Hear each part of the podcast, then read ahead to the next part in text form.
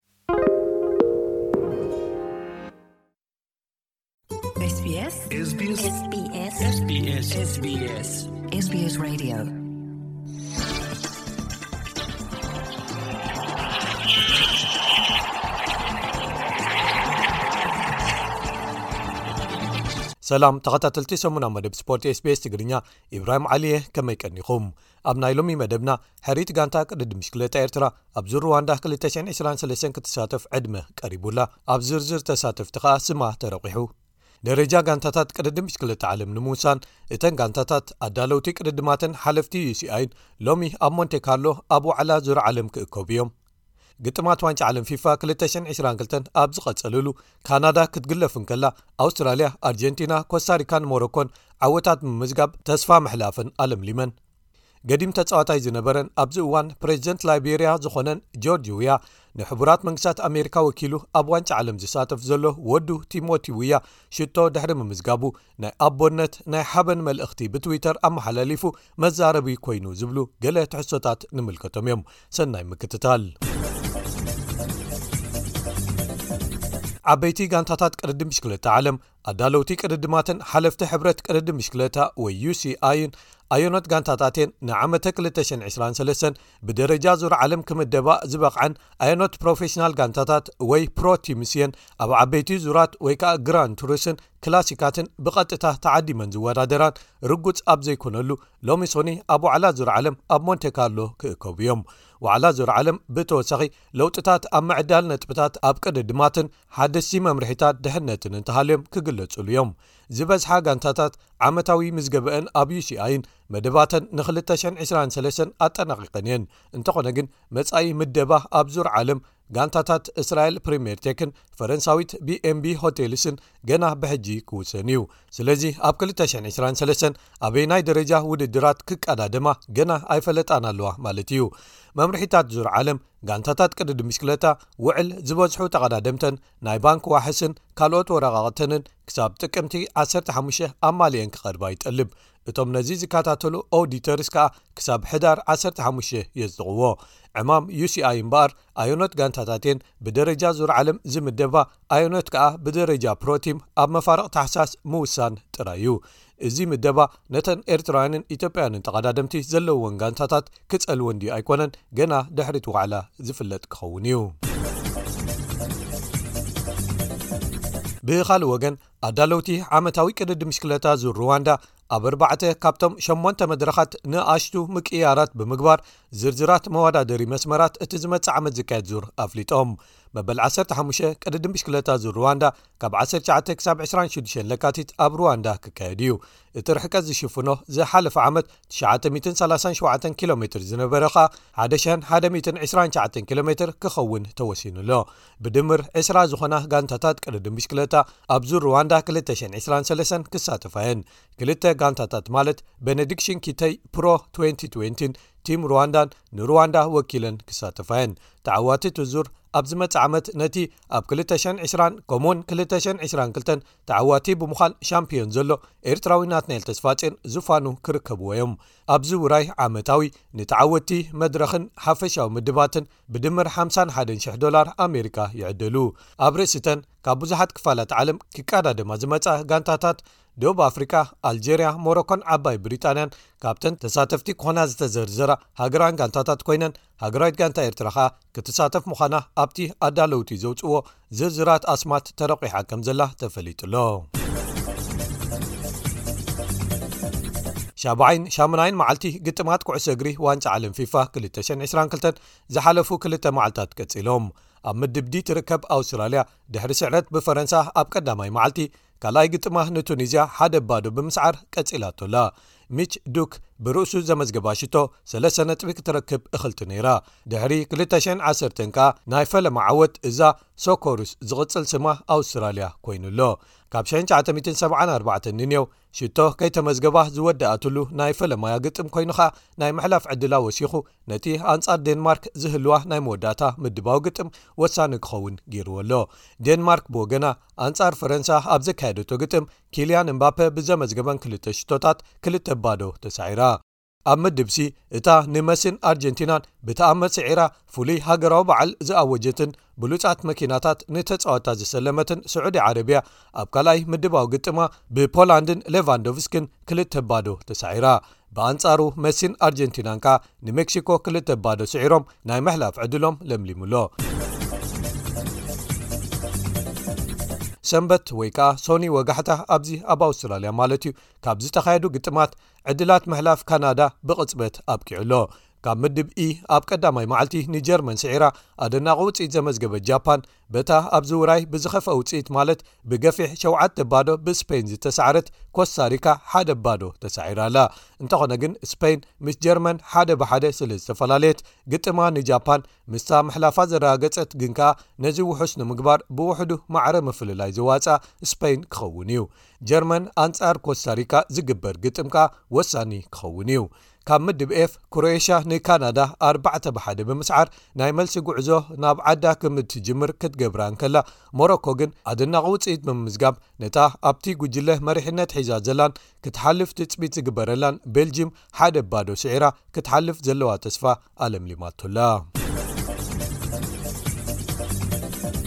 ኣብ መወዳእታ ከኣ ክቡራት ሰማዕትና ኣብ ዋንጫ ዓለም ፊፋ ክልተ ሽሕን ዕስራን ክልተን እቲ ብዝለዓለ ሰባት ኣብ ማሕበራዊ መድረኻት ዝዘራረብሉ ወይ ክዘራረብሉ ዝቐነዩ ወይ ቫይራል ዝኸደ ተባሂሉ ዝግለጽ ዘሎ ደገፍቲ ጃፓናውያን ግጥም ኣብ መንጎ ሃገሮምን ጀርመንን ምስ ተዛዘመ ስታድየማት ናይ ምጽራይ ንጥፈታት ምክያዶም እዩ ደገፍቲ ሃገራዊት ጋንታ ጃፓን ዝሓለፈ ረቡዕ ሃገሮም ንጀርመን ትጽቢት ብዘይተገብረሉ ኩነታት ክልተ ብሓደ ምስ ሰዓረታ ነቲ ግጥም ዝተኻየደሉ ኸሊፋ ኢንተርናሽናል ስቴድየም ከጽርይዎ ተራዮም።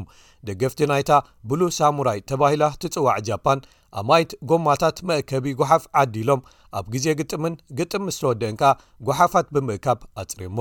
እዚ ናይ ምጽራይ ተግባር ኣብ ዋንጫ ዓለም ፊፋ 2018 ሩስያ በዞም ደገፍቲ ዝጀመረ ኮይኑ ሽዑ ግን ኣብ ናይ መወዳእታ ዓሰርተ ሽዱሽተ ዙርያ ጃፓን ብቤልጂም ሰለስተ ብ ክልተ ተሳዒራ ምስ ተገለፈት ዝተበገስሉ ዕማም እዩ። ኣብ ኣውስትራልያ ዝነብር ጃፓናዊ ተጻዋታይን ኣሰልጣንን ኩዕሶ እግሪ ታካዮ ተራሞቶ ንኤስቢኤስ ኒውስ ከም ዝሓበሮ ጃፓናውያን ብጣዕሚ ትሑታት እዮም። እዞም ደገፍቲ ዝፈጸምዎ ተግባር ከኣ ነቲ ክብሪ ዝሕመረቱ ባህሊ ጃፓን ዝውክል እዩ።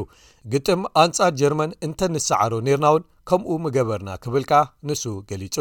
ጃፓናውያን ኣገዳስነት ምክብባር ካብ ንእስነቶም እዮም ዝመሃርዎ ተቓናቕንትና ምኽባር ክንርስዖ የብልናን እዚ ምፅራይ ዝዓምምዎ ኸኣ ንተፃወቲ ኣሰልጠንቲ ዳያኑን ኣባላት ሰራሕተኛታትን ክብሪ ስለ ዘለዎም እዩ ክብል ከኣ ታካዮ ተራሞቶ ገሊፁ እቶም ደገፍቲ ብተወሳኺ ድሕሪ ግጥም ቐጠርን ኢኳዶርን እውን ነቲ ሜዳን ከባቢኡን ከፅርዩ ተራእዮም እዮም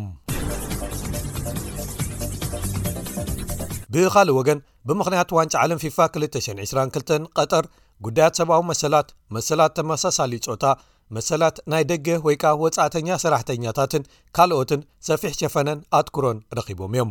እቲ ሓደ እናሻዕ ዝለዓል ጉዳይ ግን ንትውልዲ ዓዲ ዜግነት፣ ተኣማንነትን ሃገራውነትን ወይ ከኣ ፍቕሪ ሃገርን ዝምልከት እዩ። ወለድኻ ካብ ኣፍሪቃ ይኹን ካብ ካልእ ዓለም ናብ ምዕራባዊ ዓለም ብዝተፈላለዩ ምኽንያታት ዝመጹ እንተኾይኖም እሞ፣ ንስኻ ኣብኡ እንተተወሊድካን ወይ ከኣ እንተዓቢኻን ንመን ወኪልካ ኢኻ ክትጻወት ዘለካ? ነቲ ዝዓበኻሉ ወይ ዝተወለድካሉዶ ወይስ ንመበቆል ዓድኻ? ቅድሚ ሕጂ ጀርመናዊ ተዓዋቲ ዋንጫ ዓለም ዝነበረ ግን ከኣ ቱርካዊ መበቆል ዘለዎ መሱድ ኦዚል ወለዱ ምትእስሳሮም ምስ ባህሎም፣ ሃይማኖቶምን መበቆል ሃገሮምን ተሪር ስለዝኾነ ንቱርኪ ክጻወት ይደልይዎ ከምዝነበሩ ገሊጹ ነይሩ።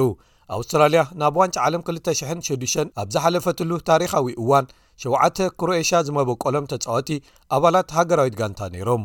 ሰለስተ ኣብ ኣውስትራልያ ዝዓበዩ ክሮኤሽያ ዝመበቆሎም ተጻወቲ ከኣ ንክሮኤሽያ ወኪሎም ክጻወቱ ድሕሪ ምውሳኖም ክልቲኤን ሃገራት ኣብ ዝገጠማሉ ፊት ንፊት ተራኺቦም።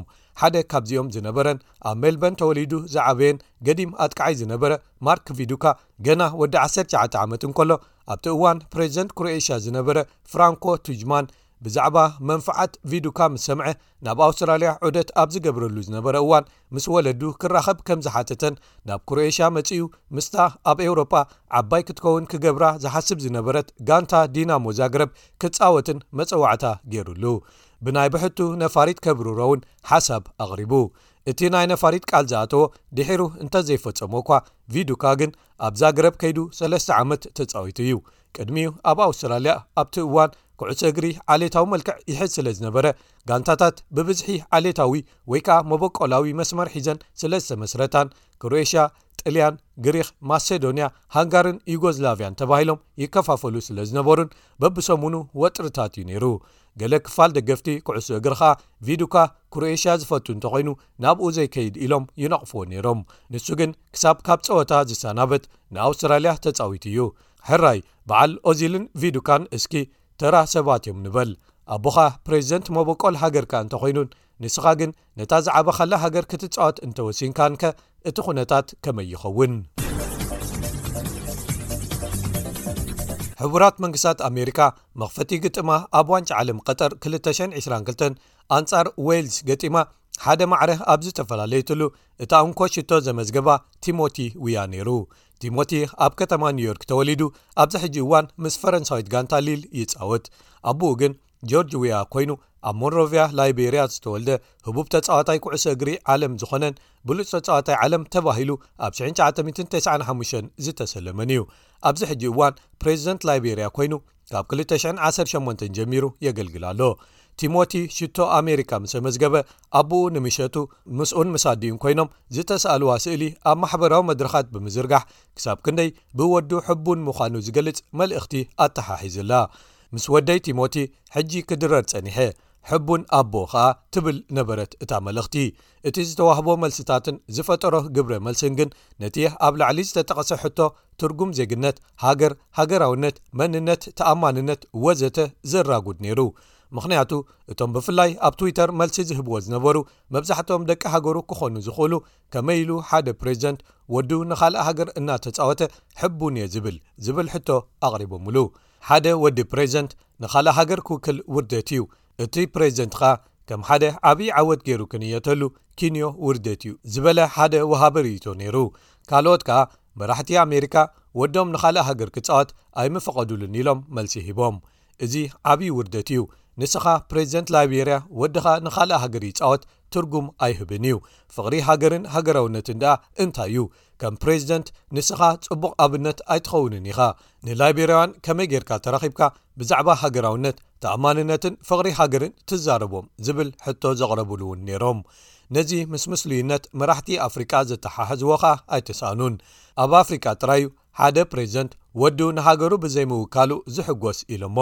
ሓደ ፕሬዚደንት ላይቤርያ ኣብ ኣሜሪካ ሓንቂቑ ዝዓበየ ወዱ እቶም ነዚ ዕድል ዘይረኸብዎ ህጻናት ላይቤርያ እናተዓዘቡ ብወግዒ የድንቖ ብምባል ዘማረሩ እውን ነይሮም። ካልኦት ከኣ ነዛ ስእሊ ክትጥቅዓ እንከለኻ ንምንታይ ጌጋ ክትከውን ትኽእል እያ ኢልካ ዘይሓሰብካ? እቲ ከተመሓላልፎ ዝደለኻ መልእኽቲኸ እንታይ'ዩ? ኢሎም ብምግራም ተመሊሶም ዝሓተቱ እውን ነይሮም። እንተኾነ ግን ብኣንጻር ናይዞም ኩሎም ኣሉታዊ ርእይቶታት ከኣ ብዓይኒ ኩዕሶ ርእዮም ኣቦ ዓወት ወዱ ከብዕል ጸገም የብሉን ዝብሉን በዓልቲ ቤቱ ጃማይካዊት ስለ ዝዀነት፣ ወዳ ቲሞቲ ናቶ ምርጫ ኰይኑ ንኣመሪካ እንተ ተጻወተ ክመርጽ ይፍቀደሉ'ዩ ኢሎም ዝማጐቱ'ውን ኣይተሳእኑን። ስለዚ ንስኹምከ እንታይ ምበልኩም? ክቡራት ሰማዕትና ንሎሚ ዘዳለናዮም ትሕዝቶታት ሰሙናዊ መደብ ስፖርት ስbs ትግርኛ